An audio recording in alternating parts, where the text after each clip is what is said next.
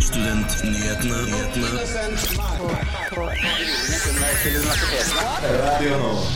Hei og velkommen til Studentnyhetene på denne ja, litt grå fredagen kanskje, men eh, det er jo bare fordi høsten snart er her.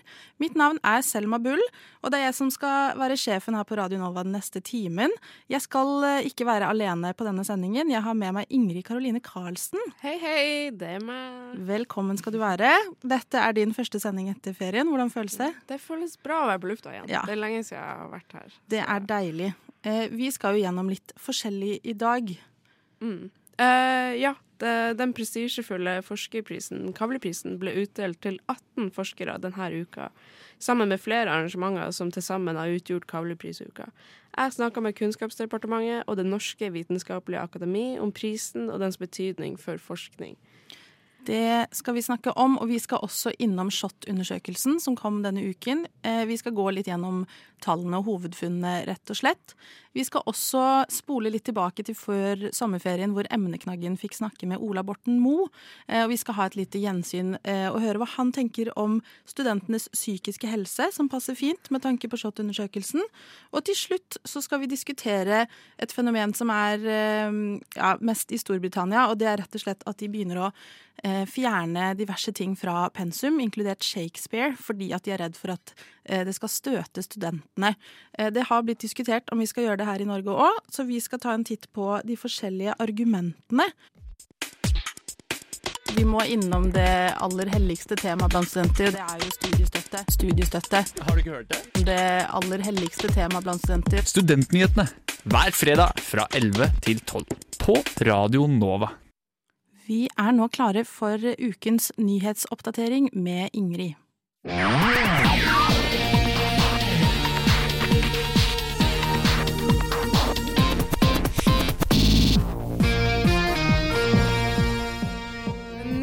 Stoppes mannlige studenter på grensa fra Ukraina. Selv om tvungen verneplikt i landet har vært et faktum siden krigen, krigens begynnelse, har fulltidsstudenter fått slippe ut for å fortsette studiene. Nå har det blitt en stopp, og ESU, den europeiske studentforeninga, mener det er flere tusen mannlige studenter som ikke får forlate landet. I et brev bl.a. skrevet under av NSO ber ESU Ukraina om å la studentene gå, sånn at de ikke blir utvist eller etterlatt av universiteter i Europa nå som det akademiske året begynner. Det melder universitetsavisa. Eh, ved Nord universitet i Bodø har flere ansatte fått tittelen professor på deres nettside uten å egentlig være det.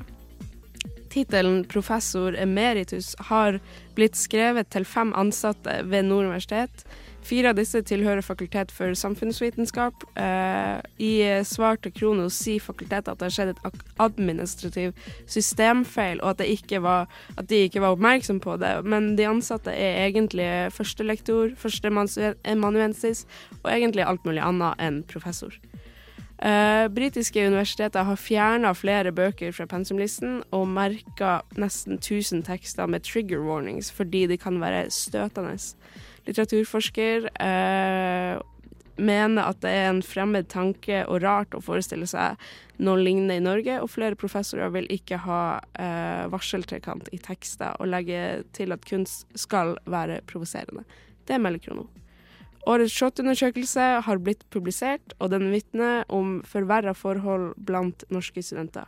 60 000 studenter har svart på undersøkelsen, annet melder en tredjedel av studentene om psykiske plager. Det er også klar økning i andel eh, som rapporterer dårlig livskvalitet. Senere i sendingen skal vi gå gjennom undersøkelsen. Det var ukens nyhetsoppdatering, eh, og mitt navn er Ingrid Karline Karlsen. Har dere Senterpartiet glemt studentene når dere skrev deres valgprogram for Oslo? Altså, mulig, men Studentnyhetene. Vi er nyhetsprogrammet av og med studenter. Hver fredag fra 11 til 12 på Radio Nova. Denne uken ble Kalv Kavli-prisen delt ut til 18 fremragende forskere i astro-, nano- og nevrovitenskap. Eh, Dette er et samarbeid mellom Kunnskapsdepartementet, Det norske vitenskapelige akademi og Kavli Foundation. I den forbindelse så har vår eh, journalist Ingrid snakket med kommunikasjonsarbeider Og presens i Det norske vitenskapelige akademi, Unni Irmelin Kvam og Lise Øverås sammen med avdelingsdirektør i KD, Live Haaland. Kavliprisen for 2022 og 2020 ble på tirsdag utdelt i Oslo konserthus av Hans Majestet Kongen selv. Kavli-prisen er en vitenskapspris som ble oppretta av Fred Kavli og skal premiere fremragende arbeid innenfor feltene nanovitenskap, astrofysikk og nevrovitenskap. Det minste, det største og det mest komplekse, ifølge grunnleggeren selv. Én million dollar tildeles til vinnerne i hvert felt. Og nå får dere høre litt mer om Fred Kavli. Han var eh, norsk. Han ble født i 1927 i Æresfjord i Romsdal. Vokste opp på en gård der. Eh, han var en nysgjerrig gutt som eh, og han lå og undret seg på sto store spørsmål. Han utdannet seg til ingeniør, og så, rett etter at han var ferdig med ingeniørutdannelsen, så utvandret han til Nord-Amerika. Først Canada, så USA. Og der der uh, skaffet han seg en karriere med uh, Han etablerte et, et uh, firma som het Kavliko Corporation, som leverte sensorteknologi til bilindustri, flyindustri og romfartsindustri. Og ble ganske, han, ble ganske, han ble en rik mann. og i år 2000 så solgte han dette selskapet og etablerte Kavli Foundation for, for de pengene han da tjente ved salget av selskapet. Og, og han hadde da lyst til å bruke Altså Kavli Foundation er jo da en stiftelse som finansierer grunnleggende forskning. Og han ønsket da tilbake til samfunnet da, ved å finansiere nysgjerrighetsbrevets grunnleggende forskning. Ved å etablere da en pris som skulle deles ut i Norge. Siden den først ble utdelt i 2008, har Kavli-prisens renommé vokst enormt, og den er nå på toppen i internasjonale forskningspriser. Det finnes veldig mange prestisjefylte vitenskapelige priser, men Kavli-prisen rangeres ganske høyt blant dem. Den har fått godt renommé, eh, og eh, det er, det er en viktig bit altså at det er Hans Majestet Kongen som deler ut prisen. Det, det har en veldig sånn høy standing i dette. Det administreres eh, godt, sier de, sier de også prisvinnerne. De, så vårt inntrykk er at dette her er en pris som er, gjev å få, og den henger høyt. I løpet av denne uken har vi sett at de er veldig ydmyke. De syns dette er veldig eh, stas å få denne prisen. Eh, både fordi at det er en, en, en, stor, altså en stor, ære, og at, at, de blir, eh, blir, kreditert for alt det arbeidet som ligger bak det de har kommet kom frem til. Dette er viktig for dem både i karrieren og, og rent personlig. Jeg spurte også kvinner om hva Kavli-prisen og dens utdeling i Oslo har å si for forskning generelt. For, for Kunnskapsdepartementet så er jo Kavli-prisen eksempler på at vi premierer fremragende forskning. Innenfor idretten så, så, hyller vi jo de beste, og det vil vi jo gjerne gjøre innen forskningen også. Så vi håper jo at disse Kavli-prisvinnerne kan bli forskningshelter og rollemodeller for unge som kanskje har lyst til å skape en karriere innenfor forskning, men ikke vet om det er noe å satse på. Det var noen i salen i dag Der satt det masse uh, elever fra videregående skole og hørte prisvinnerne snakke om feltet sitt og ble intervjuet om det. Og, og, da overhørte jeg en å si at jeg vil bli som dem. Vi er teknologisamfunn. Og det hadde ikke vært mulig å kunne kjøre bil, fly, eh, gjort forskjellige ting uten den nitidige grunnforskningen som ligger i, i bunnen her. Eh, og Sånn sett er det veldig viktig at vi holder fokus på dette og at vi, vi tar dette videre.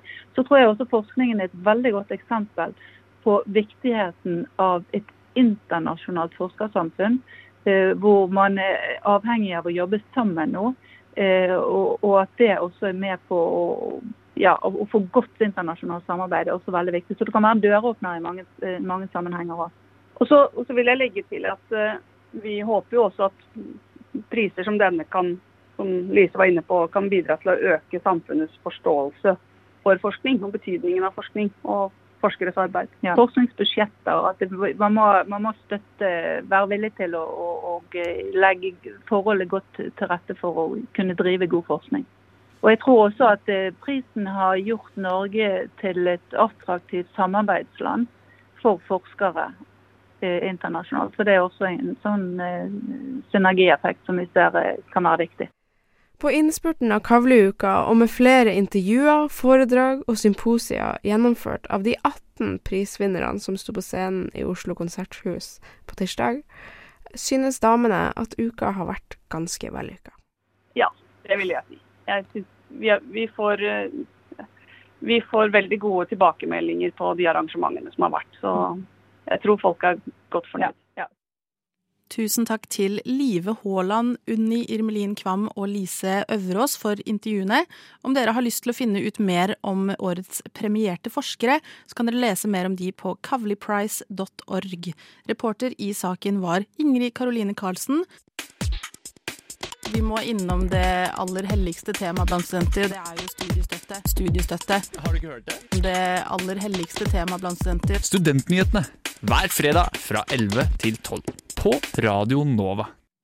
Du hører fremdeles på Studentnyhetene, og vi skal nå snakke litt om studentenes helse- og trivselsundersøkelse for i år. Eh, og den kom eh, denne uken. Vi kan si såpass at det er ca. 60 000 studenter som har svart.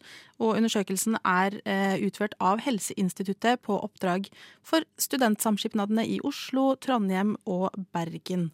Eh, og vi kan jo Vi skal gå gjennom hovedfunnene her. Har du lest noe eh, på resultatene, Ingrid? Eh, jeg fikk glansa så vidt igjennom det, men det, det, det ser jo ikke bra ut. Nei, det gjør Altså, det pleier jo som regel å være litt dystert når man leser dette, men det er jo noen positive ting også. Ja. Eh, hoved, en av hovedfunnene er jo at det virker som at noen, eller de fleste studenter begynner å komme seg etter pandemien. Eh, For fjorårets SHoT-undersøkelse, da var det veldig tydelig at mange hadde vært ensomme eh, under eh, flere lockdowns under pandemien. Og nå begynner det å løsne litt, nå som vi har gått tilbake til normalen. Og det er jo en positiv ting. Mm. Men det man også kan se, er at siden jeg tror det er 2010, da var det hver sjette student eh, som var plaget av eh, dårlig psykisk helse, og nå har det tallet gått til hver tredje student. Og det er jo en ganske, eh, hva skal jeg si, drastisk endring over tolv år. Hva tenker du om det, Ingrid? Uh, over tolv år, sa du? Eller over to år? Ja, for I 2010 så var det Ja. hver sjette student, og i 2022 er det hver tredje. Det er jo kritisk, liksom. Det er jo det. det. Jeg vet ikke om det er ettervirkninger av pandemien Uh, man ser også nå i 2022, Uh, men uh, det er dystre tall. Er, vi kan jo også si at eh, siden eh, undersøkelsen i 2018 så er det en klar økning i andelen studenter som sier de har dårlig livskvalitet. eh, Og nå er det bare fire av ti som sier at de har god livskvalitet. Eh, Og det kan jo være eh, komme av mange forskjellige ting, det. Men, men det er jo ikke noe eh, hyggelig å lese at eh, nesten 40% hvis det blir riktig omregning. Ja, det blir vel det. Fire av ti. Ja, matte Ja. er ikke helt min, min greie. Beklager det, altså. Eh, og det er også en økning i andelen studenter som svarer at de har hatt selvmordstanker det siste året. Eh, I 2018 var det 14% og i 2022 er det da 22% Så det er jo en ganske stor økning, det òg. Eh, og det er én av fem studenter sier at de har skadet seg selv med vilje. Eh, og disse tallene er også vesentlig høyere blant kvinner eh, enn menn. ja. Og alt dette tyder jo på at man kanskje trenger en liten gjennomgang av de psykiske helsetilbudene eh, til studenter.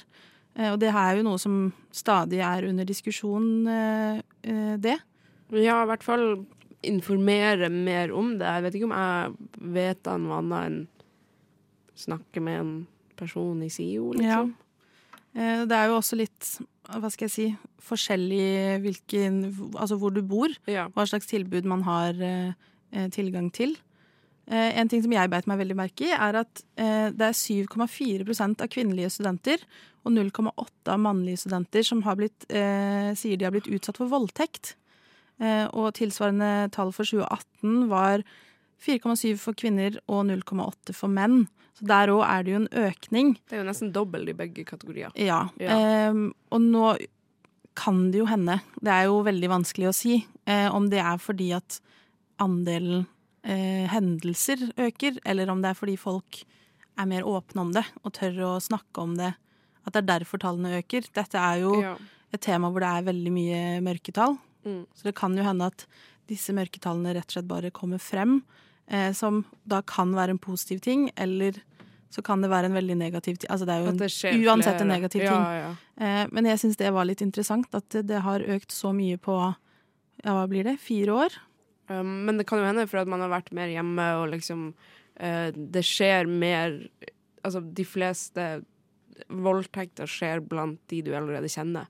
Ja. Eh, så det kan ha skjedd i hjemmet. Um, men man skal jo ikke spekulere i det, liksom. Nei, det, det Ja. blir litt vanskelig. Eh, det er også tre av ti som oppgir at de har blitt utsett, utsatt for en eller annen form for seksuell trakassering. Eh, og her er det da, altså hvis man skal se på prosenten mellom menn og kvinner, så er det 39% av kvinnene eh, mot 9% av mennene.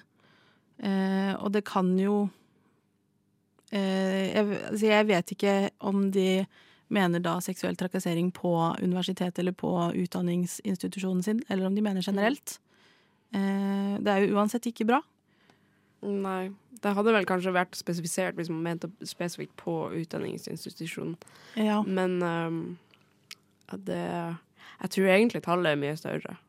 Ja, det, det vil jeg også Ja. egentlig tro, uten at jeg har noe eh, konkret begrunnelse for det.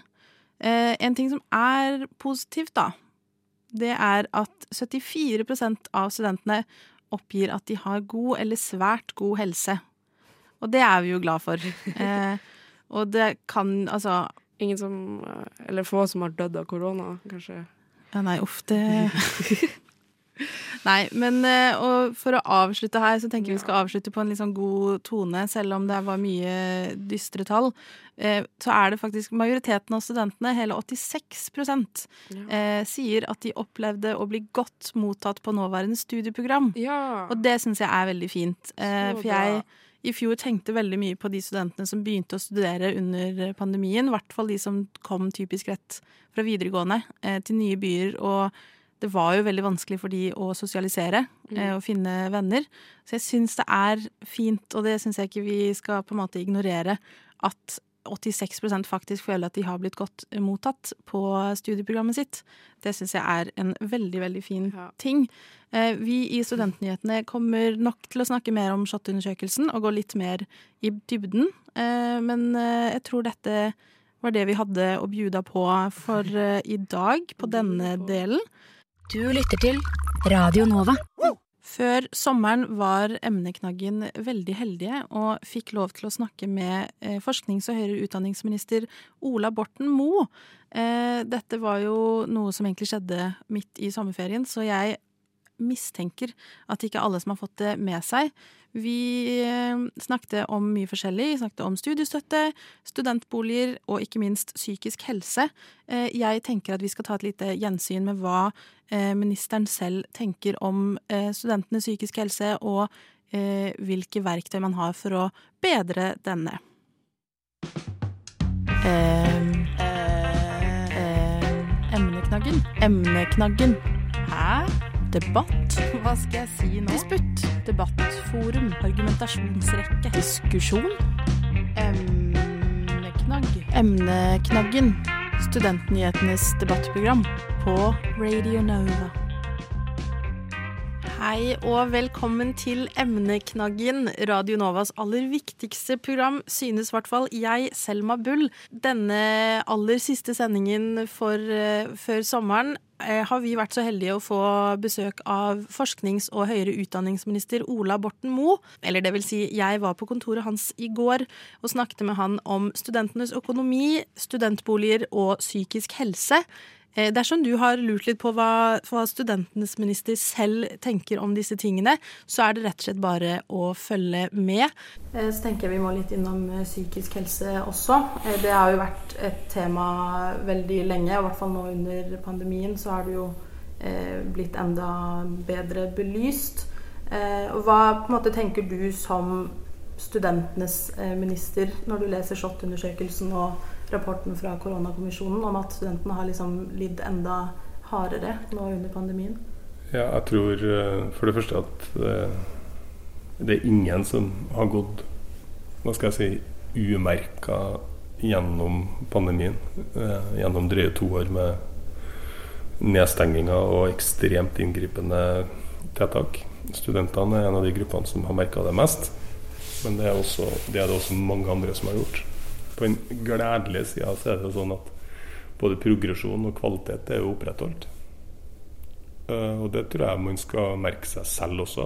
Liksom Krysse av litt i margen at her har man klart å studere det man skal studere. Man har klart å avlegge de eksamenene som skal avlegges. Og med like gode resultat som, som tidligere. Det tenker jeg er veldig, veldig bra. Og alternativet er jo veldig mye verre. Uh, Så det at man klarte det med de rammevilkårene som var, var altså, imponerende. Så er, er jo det neste at jeg tror det viktigste enkelttiltaket mot at det var kjipt og forferdelig under pandemien, det er at pandemien er over.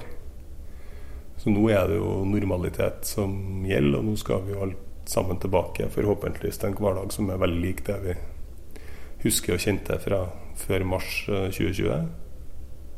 Eh, det er jo det som eh, i, i all hovedsak, tror jeg, kommer til å gjøre at folk får bedre liv. Så kommer det til å ta litt tid, og det kommer til å være individuelt. Noen klarer på et blunk, andre har, eh, andre har lengre eh, bremsespor.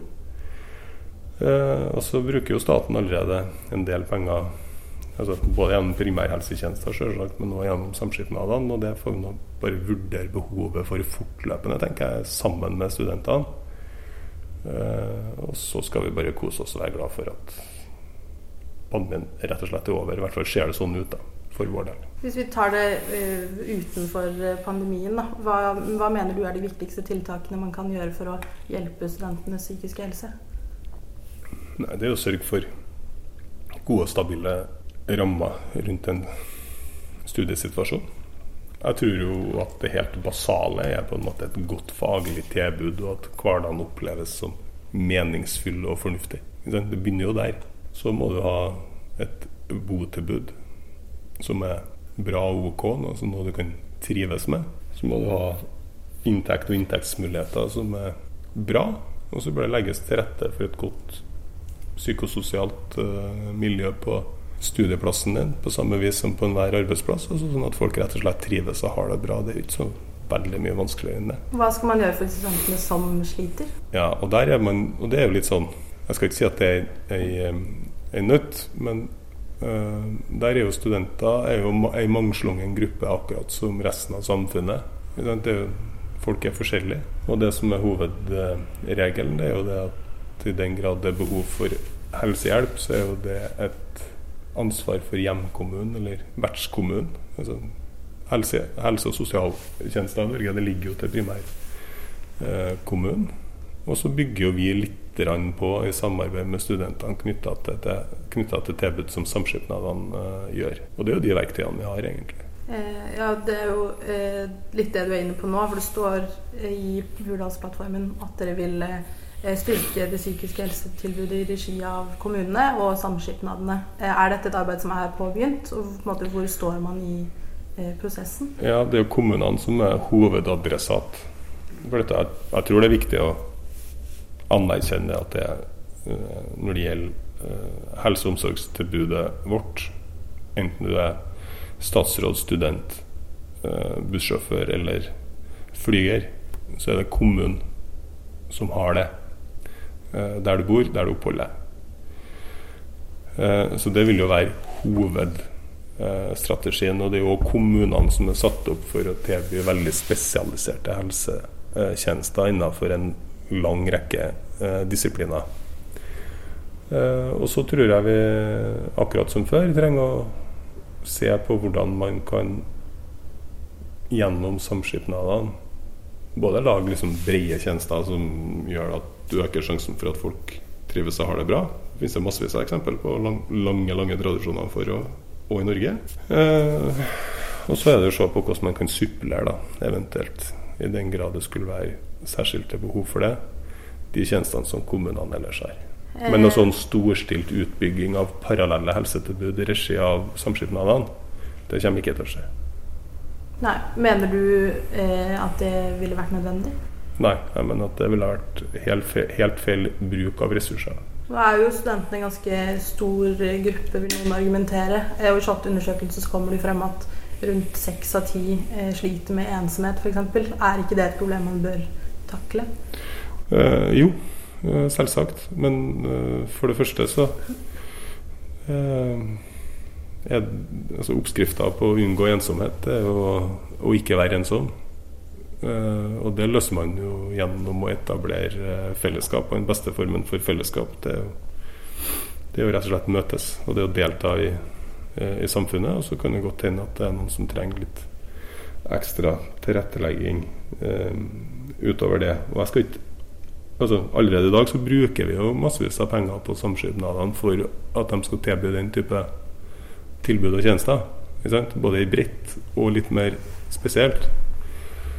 Men det jeg eh, egentlig sa, det er jo at det er når det gjelder på en måte de brede velferdstjenestene våre, og spesielt knytta til helsetjenester, det som er spesiell, altså, spesialkompetanse, det er det kommunene som er hovedadressat for i første instans. Og så, da selvsagt, hvis det er enda særlig eller mer spesielt, så er det jo sykehusene og spesialisthelsetjenester. Og vi skal ikke, jeg mener veldig sterkt at du skal ikke bygge opp parallelle tjenester for én gruppe i samfunnet, selv om den er stor, innenfor de eh, tjenesteområdene. Kunne man gjort det enklere for studenter å komme inn på det, det, de tjenester som allerede eksisterer? Det skal jo være de samme reglene som for absolutt alle andre. Hva, hva tenker du er din viktigste oppgave som forsknings- og høyere utdanningsminister fremover? Det er å eh, sikre god, kvalitativt, god, et kvalitativt godt utdanningstilbud for flere i hele landet. Hvordan skal du gjøre det? Da er det både å øke kvaliteten på det vi har, sørge for at relevansen og behovene for samfunnet fram, framover i tid svares ut av sektoren som uh, sådan, og legge til rette for at flere kan benytte seg av de tilbudene som, som vi har. Da. Nå flere, rett og slett. Der hørte du meg, Selma Bull, snakke med forsknings- og høyere utdanningsminister Ola Borten Moe. Eh, hvis du vil høre hele sendingen, så ligger den ute på Spotify under emneknaggen eh, Ola Borten Moe. Samordna opptak. Det er om rettssikkerheten eh, til norske studenter. Akademia Strid. Oslo Met Universitetet i Oslo. Jeg studerer Studentnyhetene. hver fredag fra 11 til 12. Velkommen tilbake til Studentnyhetene. Vi skal nå snakke om et fenomen som eh, Eller fenomen blir kanskje å dra litt, eh, ta litt i, men i Storbritannia har i hvert fall noen skoler begynt å endre litt på pensumlistene sine. Eh, slik jeg har forstått det, så dreier det seg mest om litteraturstudier. Eh, og da har de eksempel gjort eh, noen av verkene til Shakespeare eh, til frivillig, istedenfor at man må lese de. Eh, og det er fordi at de er redd for at det skal, innholdet skal støte studentene. Eh, og uten at jeg kan si helt sikkert hvilke eksempler som hører til hvilke verker, eh, så er det i hvert fall snakk om at de eh, ikke er helt fornøyd med måten man omtaler selvmord, f.eks. Hvordan man omtaler kvinner. Noen av verkene mener de har litt sånn rasistiske undertoner. Og så har det blitt diskutert om dette er noe man kommer til å gjøre her i Norge. Ikke nødvendigvis fjerne, men å merke eh, pensum, eh, noe av pensumlitteraturen. Eh, og da er det f.eks. Knut Hamsun eh, som det snakkes om. Hva er ditt eh, take on dette her, eh, Ingrid? Uh, nei, jeg syns det Det høres jo egentlig helt latterlig ut. Det høres helt dust ut. Det her er jo verker som liksom har vært på pensumlistene sikkert Altså, Shakespeare er vel 1400-tallet? 1500-tallet. Ja. Eh, og man blir jo Man blir jo litt sånn ignorant eh, og har ikke et forståelse for hvordan det var før, da. Eh, og det er greit nok at det kan være støtende, men, men man må jo forstå sin kulturarv, Ja. liksom. Jeg er jo litt enig. Vi Ja. kan jo si at nå kommer journalistenes personlige meninger fram. Eh, For jeg syns jo dette er et veldig Det er interessant et leserinnlegg, det her. Det er jo et veldig interessant tema, og jeg syns jo det henger litt sammen med eh, cancel culture og no platforming. Ja, ja. Eh, og jeg syns i teorien at det ikke nødvendigvis eh, At man får ikke det resultatet man egentlig vil ha. Og akkurat når det gjelder dette med å, å fjerne deler av pensum, så gjør man seg selv litt en bjørnetjeneste. For man tenker kanskje her og nå at eh, dette er positivt, for da er det ingen av våre studenter som sitter og leser dette og blir støtet. Men jeg tror i det lange løp så er det veldig dumt at man skal gå liksom Mens, mange hundre år tilbake Ja. i tid og si at måten Shakespeare omtalte selvmord, eh, det var ikke bra. Eh, men så må man jo tenke at det var jo veldig lenge siden. Og det er jo veldig viktig å, eh, hvis man skal se på utviklingen av forskjellige ting, og vite hvordan man eh, snakket om ting og så på ting eh, på den tiden, Ja. for å skjønne hvordan, hvordan vi har kommet dit vi er i dag. Ja, og litteratur er jo som all kunst. Det skal provosere, og det skal mm. skape reaksjoner. Liksom, jeg klarer ikke å forestille meg at man liksom skal, skal begynne med en sånn svær varseltrekant på sånn Hamsun-bøker eller noe sånt. Eh, jeg har drevet og lest litt Hamsun i sommer, så jeg, har eh, Snikskryt. Ja. jeg har ikke lest de mest, eh, de mest provoserende som jeg, jeg hørte Markens Grøde og Same. Ja, men jeg kommer til det, da. For Markens Grøde er jo en av de bøkene som har blitt tatt opp som et, som et eksempel her i Norge. Ja. Eh, nettopp av måten man snakker om samer, eh, og at dette kan tolkes rasistisk. Og det kan det helt sikkert, eh, men så er det jo noen av disse eh, forskerne og litteraturakademikerne som sier at for det første så må man ikke ta alt ut av kontekst. Det er veldig viktig å se bøkene og eh, verkene i den konteksten de ble skrevet i. Eh, og de sier at Markens Grøde eksempel er et veldig viktig, en veldig viktig eh, ja, verk for å skjønne hvordan det faktisk var i Norge, og hvordan man Ja. behandlet vår eh, urbefolkning Mm. Eh, under fornorskningen. Eh, det, det er jo liksom på en måte OK, uh, nå kommer jeg til å ta litt ordet, men uh, Hamsun, når det kommer til Markus Grøde, så har jeg hørt liksom både, altså Faren min sier jo at ja, Hamsun han, han, uh, han behandler jo samene veldig bra i sin litteratur, og, og i forhold til andre andre forfattere på den tida, mens jeg har ei, ei venninne som mener det helt motsatte. At han var den verste, liksom. Det er på en måte en, en fin ting å forstå at det nå også tolkes den konteksten, da. Ja, så uh, tolker man jo alt ut ifra eh, seg selv. Ja, ja, veldig ofte. Uh, og jeg kan jo være enig i at hvis man studerer litteratur og skal lese noe som, som kan støte, da, så er det kanskje viktig at foreleseren sier her i det, denne litteraturen vi skal lese nå, så snakker de mye om selvmord, og Ja. på en måte sånn at man er ja, er klar over det. det. Men med man trenger ikke mer enn det, Ja. tenker jeg, da.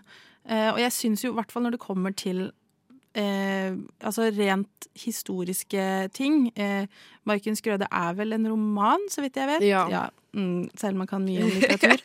Eh, De fleste Hamsun-bøker er romaner, altså. ja, ja, jeg vet jo egentlig det. Okay. jeg får bli så redd for å si noe feil på radioen. Nei, men jeg tenker jo at eh, fornorskningen, altså samenes historie i Norge, syns jeg man snakker for lite om. Da er det veldig dumt om man skal gjøre Markens Grøde eller bøker som snakker om dette, til en sånn Nei, det, Det er jo- den er litt sånn vond å lese. Det det skal være vondt, for vi Ja. gjorde Norge som nasjon gjorde noe som var vondt for veldig veldig mange mennesker. Ja. Og da er det jo veldig sånn at vi skal liksom Nei, vi vil skjerme oss for det nå. Det er jo helt galt. Man må jo liksom Det gagner jo ikke samisk kultur eller samisk befolkning om man liksom glemmer det. Nei, det I- gjør På ikke det. måte. For da går man jo i helt andre retninger. Ja. Men jeg syns jo det er et veldig interessant tema, eh, og jeg skulle ønske vi kunne snakke mer om det. Studentpolitikk det har ikke vært en hovedprioritet. Så jeg er veldig glad for at dere er opptatt av det her. Tusen takk for at du har hørt på Studentnyhetene. Vi nærmer oss eh, dessverre slutten. Men vi er ikke helt ferdig helt ennå. Vi har et par minutter til. Eh, og at vi snart er ferdig, betyr jo også at det snart er helg. Ja. For det er jo fredag. Fredag. Og denne helgen så skjer det jo litt diverse ting. Eh, på lørdag i morgen så er det regnbuetog. Mm. Og det skal du på? Ja. Eh, det begynner vel eh, klokka Det er oppmøte klokka 11, og så begynner toget å gå klokka ett. det skal i hvert fall gå innom da forbi eh, Rosenkrantz gate, der eh, altså eh, London. Ja, London og eh, området der, og så tror jeg det ender opp eh, rundt Aker Brygge eller noe. Det tror jeg blir veldig fint, da.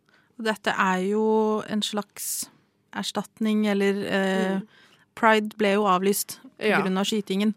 Eh, så det er jo, vil jeg si, en veldig viktig markering i Ja. år, eh, og alltid. Og nå har de jo fått eh, prideflagget, eller regnbuens farger, i gaten. Ja. eh, som jeg også syns er veldig fint. Og så har jeg en liten fugl hvisket i mitt øre, sang i mitt øre, at det er litt sånn diverse arrangementer etterpå også. Du skulle jo på eh, Drag King-show Ja, på Salt. eh, ja, det, det, er, det heter Boys Night, og det er Boys med Open Drag Stage som arrangører, da. altså Eh, åpen mic, bare Open Drag Stage Nei, de heter Open Drag oh, ja, Stage. Okay, så, det er ikke sånn at jeg kan plutselig du hive meg rundt du kan sikkert og ta kontakt med dem og, og begynne hvis du har lyst. Men de, de skal ha sånn eh, maskulin natt, eller kveld, da. Så de har Boys Night, der man i stedet for å drag queens, så er man drag kings. da. Ja.